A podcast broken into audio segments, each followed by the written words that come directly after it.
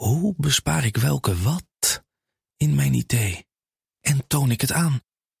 Lenklen, Virtuf Partner. Lenklen, betrokken expertise, gedreven innovaties. Goedemorgen, dit is de Week van Energia op vrijdag 3 november. Ik ben Ilse Akkermans en bij mij in de studio is Joep Westerveld, redacteur van Energia. Welkom Joep. Goedemorgen. We hebben het deze week over het landelijke data safehouse dat plannen van de industrie inzichtelijker moet maken voor netbeheerders. Die weten dan beter wat er nodig is aan energieinfrastructuur. Op 3 november gaat de ontwikkeling van de data safehouse van start. En over hoe de datakluis moet gaan werken vertelt Joep zometeen. Eerst kijk ik met hoofdredacteur Wouter Hielkema weer naar ander nieuws van deze week. En ook Wouter is weer in de studio. Goedemorgen Wouter. Goedemorgen Ilse. Welke onderwerpen sprongen voor jou uit in het energienieuws van deze week? Dat is ten eerste de onverwacht grote belangstelling voor de SDE-subsidie. Bijna 2000 aanvragen. Twee keer zoveel aangevraagd qua geld als, uh, als dat er beschikbaar is. 8 miljard euro is beschikbaar, 16 miljard aangevraagd. De eerste coöperatie voor kernenergie is een feit. De atoomcoöperatie wil de overheid en ontwikkelaars helpen bij het realiseren van kerncentrales small modular reactors. En zinkfabrikant Nierstar. Die wil uh, 25 tot 50 procent grotere fabriek in Budel, zinkproductiefabriek. Maar is nog niet zeker van de investering en dat heeft te maken met het investeringsklimaat. Ja, we beginnen met de grote belangstelling voor de SDE subsidie. Wouter, ja, de hoeveelheid aanvragen komt voor minister Jette onverwacht, schreef hij in een Kamerbrief. Wat is de verklaring ervoor dat dit jaar maar liefst twee keer zoveel subsidie is aangevraagd als er beschikbaar is?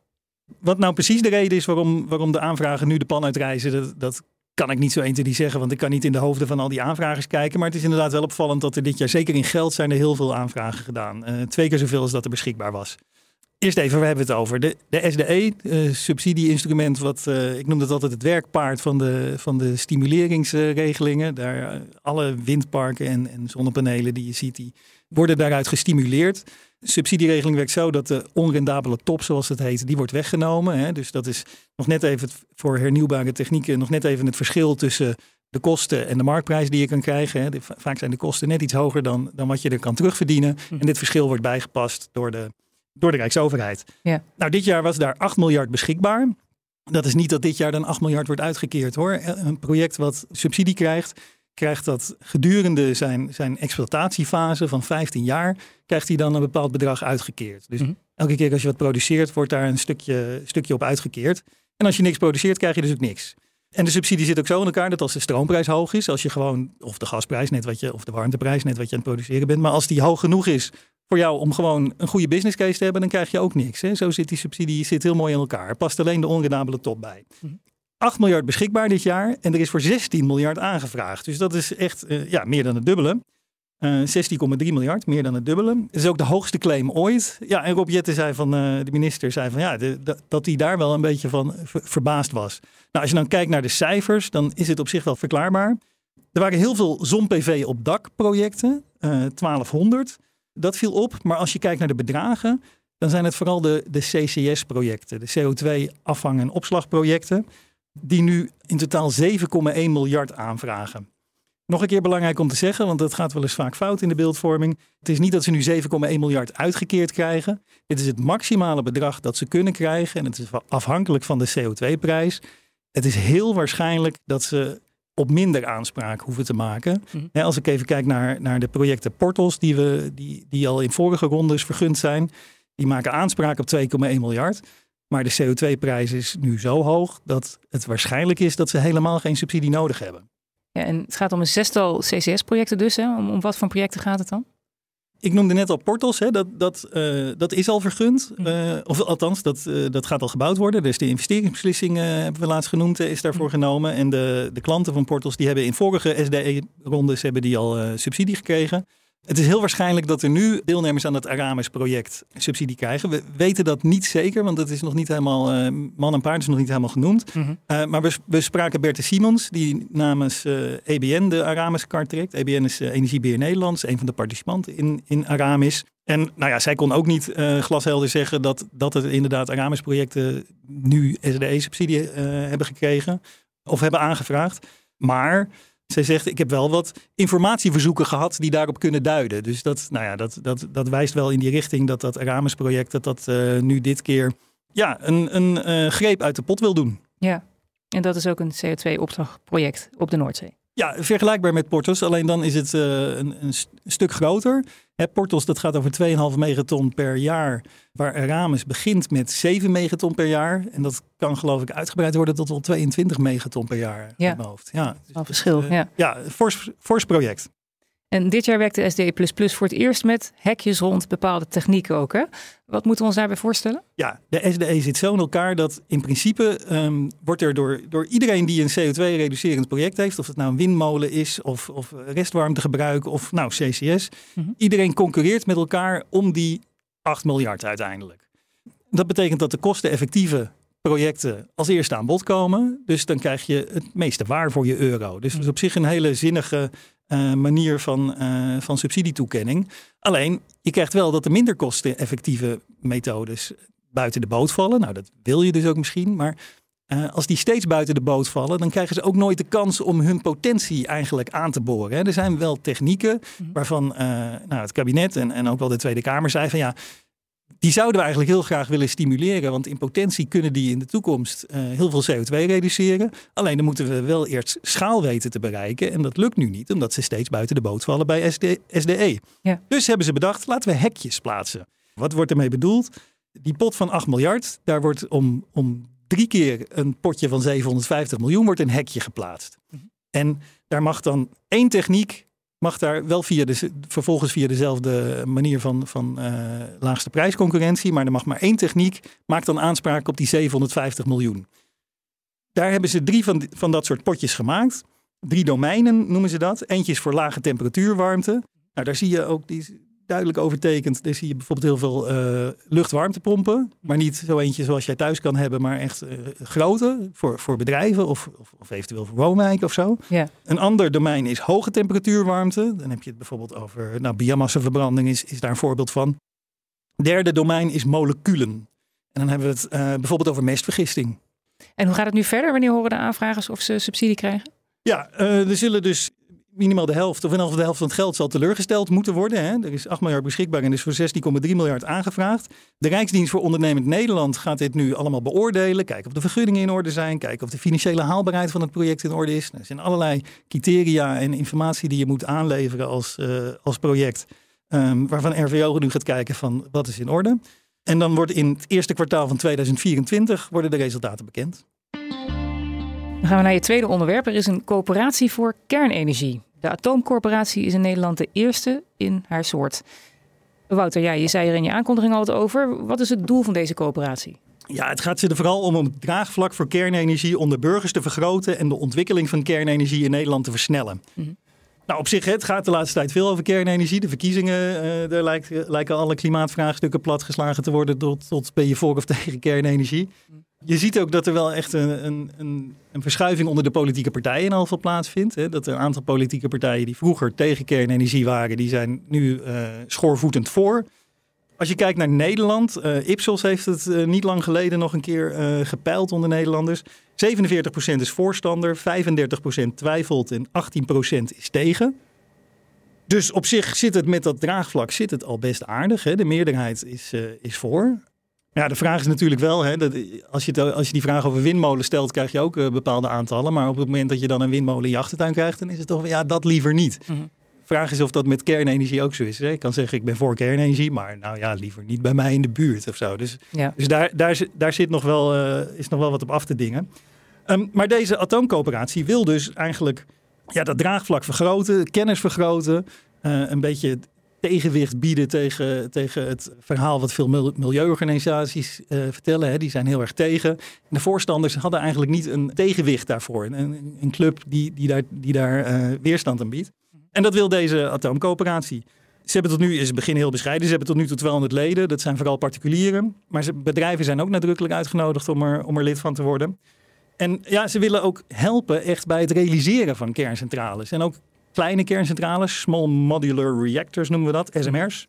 Dat zit ook nadrukkelijk in hun, uh, in hun doelomschrijving, de missie. Je hebt nu heel veel energiecoöperaties, burgercoöperaties die, die windmolens of zonneparken of zelfs warmtenetten realiseren. Nou, deze wil uh, kerncentrales realiseren. Ja, het klinkt wat megalomaan, maar ja. waarom niet? En hoe willen ze dat aanpakken?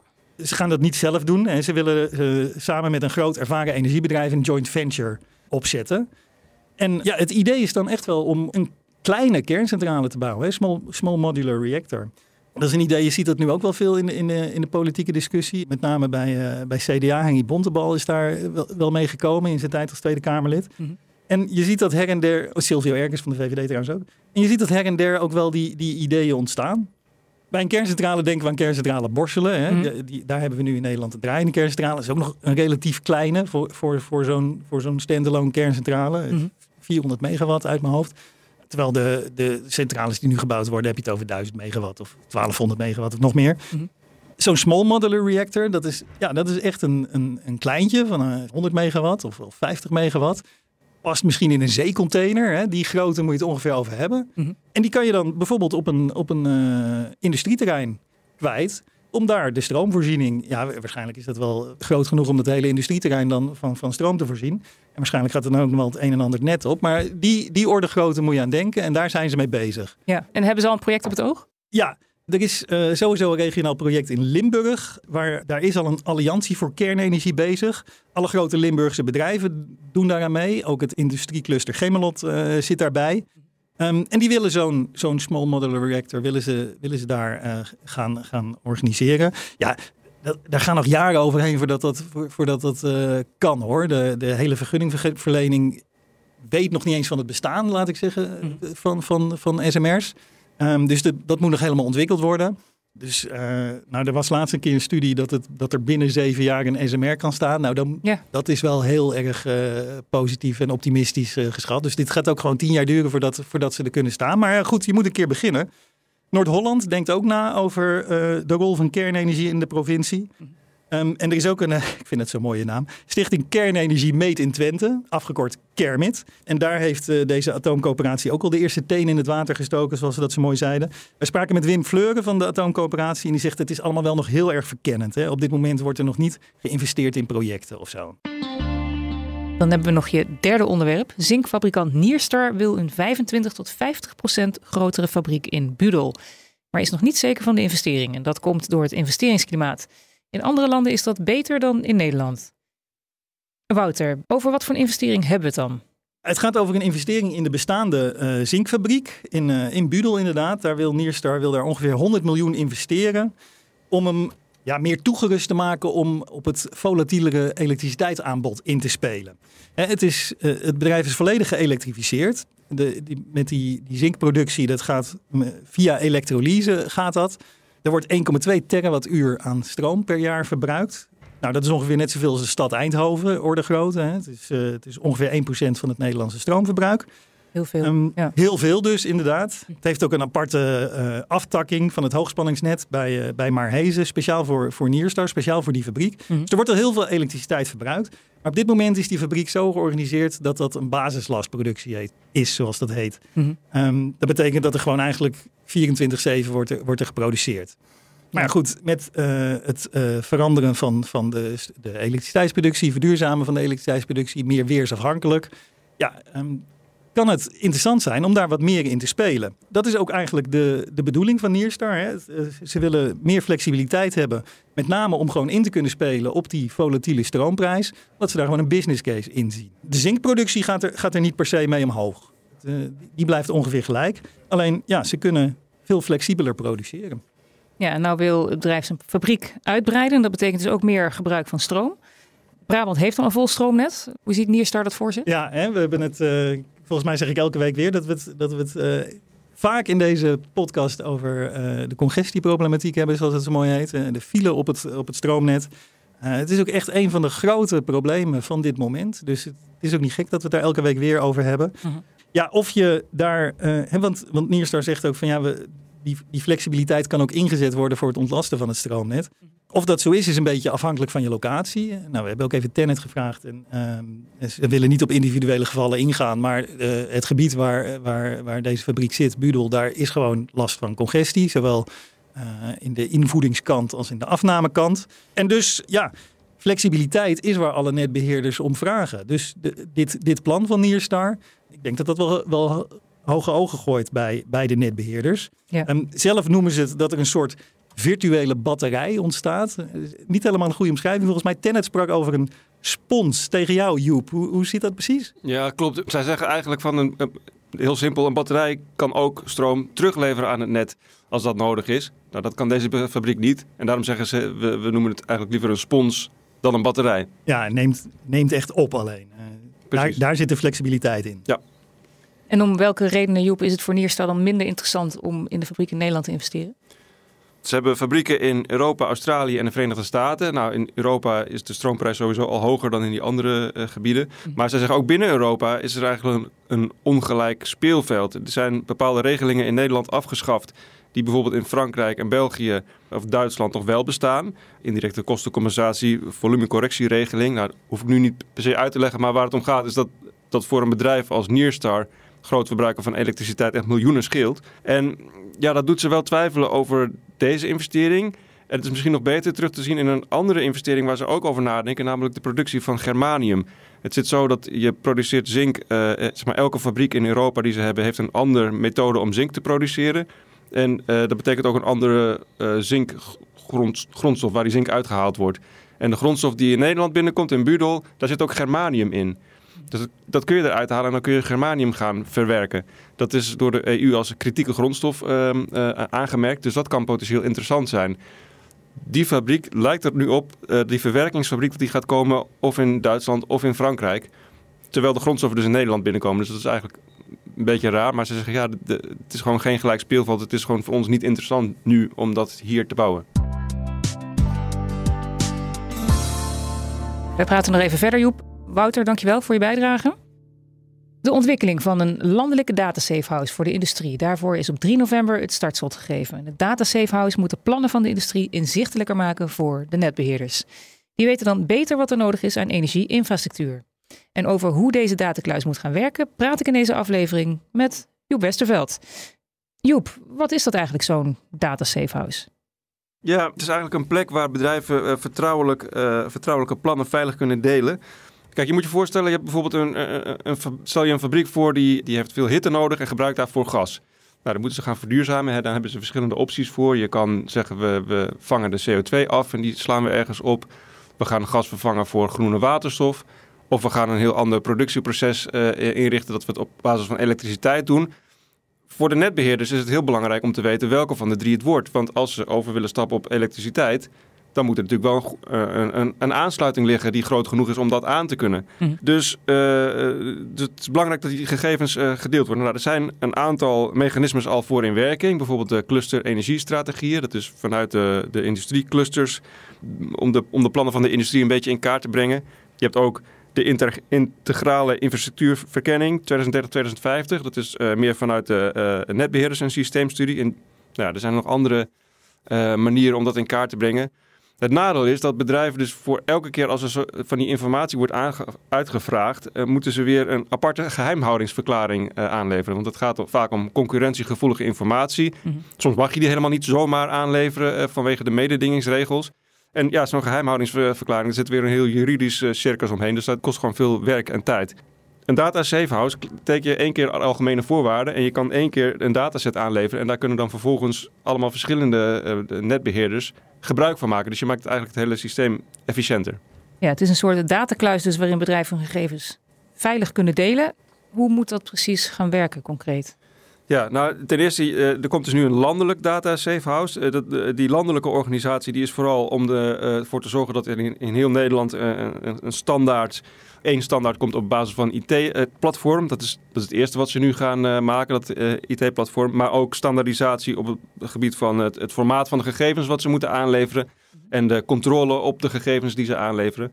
En dan vervolgens wordt het eigenlijk per cluster worden die kluizen dan ingericht. Rotterdam is daar als eerste mee begonnen. En dat is nou ook een beetje de blauwdruk waarop die andere clusters dat ook gaan doen. Ik heb uh, eerder gesproken met Wiebe Buis, die uh, leiding geeft aan het Data Safe House in Rotterdam. En hij zei, het is eigenlijk meer dan een kluis of, een, of alleen een IT-systeem. Het is eigenlijk meer, het gaat om de, de set van afspraken die de bedrijven dan maken om gegevens te kunnen delen. Mhm. Dus je hebt, in Rotterdam heb je, heb je het zo geregeld dat er is een, een databoard. Dat, daar zitten alle bedrijven in die meedoen. En die bepalen met elkaar welke datasets gaan we uitgeven en, en wie krijgt daar toegang toe. Dus um, uh, bijvoorbeeld als er een, een, een netbeheerder voor elektriciteit een bepaalde aanvraag doet, nou, dan kunnen ze die gegevens aanleveren.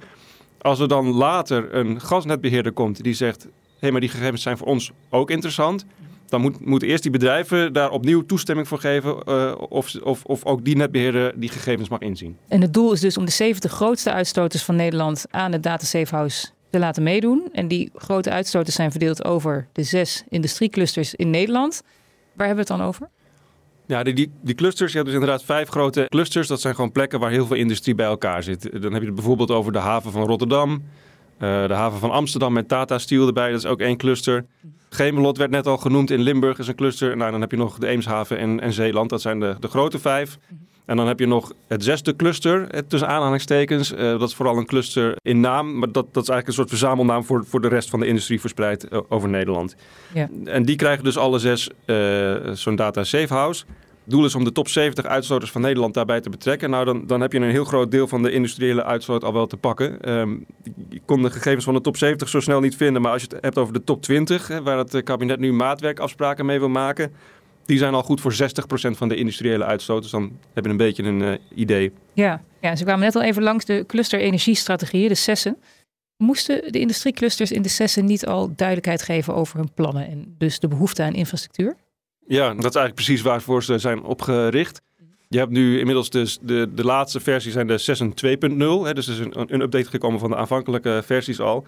En dat is toen geanalyseerd uh, door uh, Planbureau voor de Leefomgeving, RVO en TNO.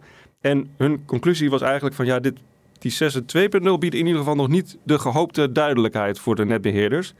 Nou, daar kwamen ze met een aantal uh, aanbevelingen hoe, hoe, daarmee om te gaan. eerste is dat het toch onvermijdelijk is om meer onzekerheid te accepteren bij die investeringsplannen van de netbeheerders dan we tot nu toe gewend zijn. tweede is een duidelijker onderscheid maken tussen echt concrete plannen en, en plannen die nog wat meer in de ideefase zitten. Die, dat onderscheid was er blijkbaar nog niet in die, in die plannen. En een derde is uh, uh, dat ze ook echt het Data Safe House al noemden als een soort groeimodel om dit probleem op te lossen. Dus misschien trouwens wel goed om te zeggen dat een data safe house natuurlijk ook niet alle problemen gaat oplossen. Want het, het, loopt ook gewoon veel vast op uitvoering, eh, te weinig mensen, op uh, vergunningverlening. Dat, dat los je niet op met een data safe house. Maar in ieder geval de informatievoorziening kan dat hopelijk beter maken. Ja, ja, en in 2020 adviseerde de Taskforce Infrastructuur Klimaatakkoord Industrie, TIKI, al om een data safe house op te zetten. Ja, het cluster Rotterdam begon daarmee dus als eerste. Hoe is dat bevallen? Nou, blijkbaar goed, want uh, we krijgen nu een landelijke data safe house. Wat je wel ziet in Rotterdam is dat ze zijn begonnen met uh, tien bedrijven en drie netbeheerders. Dat is eigenlijk wel vrij bescheiden. Als je bijvoorbeeld kijkt, uh, uh, Delta Links, dat is de ondernemersvereniging in de Rotterdamse haven, die, die hebben 700 leden. zij zijn een van de, de, de, oprichters van dit ehm, Data Safe House daar ook. En uiteindelijk zijn er dus maar tien die vanaf het begin hebben meegedaan. Er zitten wel een aantal hele grote uitstoters tussen, dat wel. Mm het plan was ook om dat binnen een jaar dat aantal te verdubbelen. En, nou, dat is niet gelukt. Maar uh, dat komt eerlijk gezegd ook omdat ze op een gegeven moment wel door hadden dat het waarschijnlijk landelijk uitgerold eh, ging worden. En toen hebben ze in Rotterdam gezegd: oké, dan wachten we even met het werven van nieuwe bedrijven. En dan gaan we eerst afwachten hoe dat er landelijk uit komt te zien. De ervaringen van Rotterdam waren dus de aanleiding om te starten met een landelijke data safe house. Waarin zitten nou de overeenkomsten en verschillen met Rotterdam? Een belangrijke overeenkomst om daarmee te beginnen is uh, dat dus de bedrijven echt verantwoordelijk blijven voor welke data er uh, worden verstrekt. Hè, ik had het al over dat databoard in Rotterdam waar dan alle deelnemende bedrijven in zitten. Uh, wat ze dus niet willen is dat er straks een soort landelijke organisatie komt die over de hoofd van de bedrijven heen kan bepalen van oké, en nu gaan we die gegevens ook aan deze instantie verstrekken. En dat, dat, de bedrijven daar geen zeggenschap meer over zouden hebben. Zij vinden het heel belangrijk dat dat wel zo, zo is. Dat het echt onafhankelijk blijft. Dat, dat, die bedrijven daar zelf zeggenschap over hebben. Het is ook een onafhankelijke stichting. Het valt niet onder uh, ministerie of iets dergelijks. En dat moet er dus ook toe leiden dat die bedrijven het vertrouwen hebben om die gegevens uh, te delen. Mm -hmm. Uh, en dan een belangrijk verschil is dat uh, de financiering voor rekening komt van het ministerie van Economische Zaken en Klimaat. Uh, dat was in Rotterdam niet zo. Daar moesten de, de deelnemende bedrijven en de netbeheerders uh, het zelf vergoeden. En dat zorgde er wel voor dat je uh, zeg maar de wat kleinere bedrijven... of ook bedrijven die een hoofdkantoor in het buitenland hebben... toch terughoudender werden. Die zeiden van ja, we moeten al gegevens delen... wat concurrentiegevoelige gegevens zijn... wat we eigenlijk liever niet willen. En dan moeten we er ook nog voor betalen. Ja. Nou, dat, dat is nu in ieder geval weggenomen... Voor, in ieder geval voor de komende 2,5 jaar... doordat EZK die financiering voor zijn rekening neemt. Deze week presenteerden de regionale netbeheerders hun naar eigen zeggen meest ambitieuze investeringsplannen ooit. Tot en met 26 investeren ze ruim 8 miljard euro per jaar in de Nederlandse gas- en elektriciteitsnetten. Dat is bedrag dat al bekend was overigens. Hoe gaan ze daarbij profiteren van de, de landelijke data? Nou, uh, ze zijn dus nu bezig met het uh, uitrollen van het IT-platform. Dat moet 1 december moet dat klaar zijn. En dat is dan op tijd genoeg voor de nieuwe update van de uh, cluster-energiestrategieën. de, de 6.3.0. Uh, die moeten ergens volgend jaar verschijnen. Dus hopelijk geeft dat dan toch het gewenste detailniveau en kunnen de netbeheerders daarop weer hun plannen verder verfijnen. Dankjewel Joep. Dit was hem weer, de Week van Energia met de laatste ontwikkelingen in de Nederlandse energiesector. Op energia.nl lees je meer. We zijn benieuwd waarover je in deze podcast meer wilt horen. Laat het ons weten via podcast.energia.nl. Mijn naam is Ilse Akkermans. Fijn dat je luisterde en tot volgende week. Hoe bespaar ik welke wat in mijn idee en toon ik het aan? Lenklen, Virtuf Partner. Lenklen, betrokken expertise, gedreven innovaties.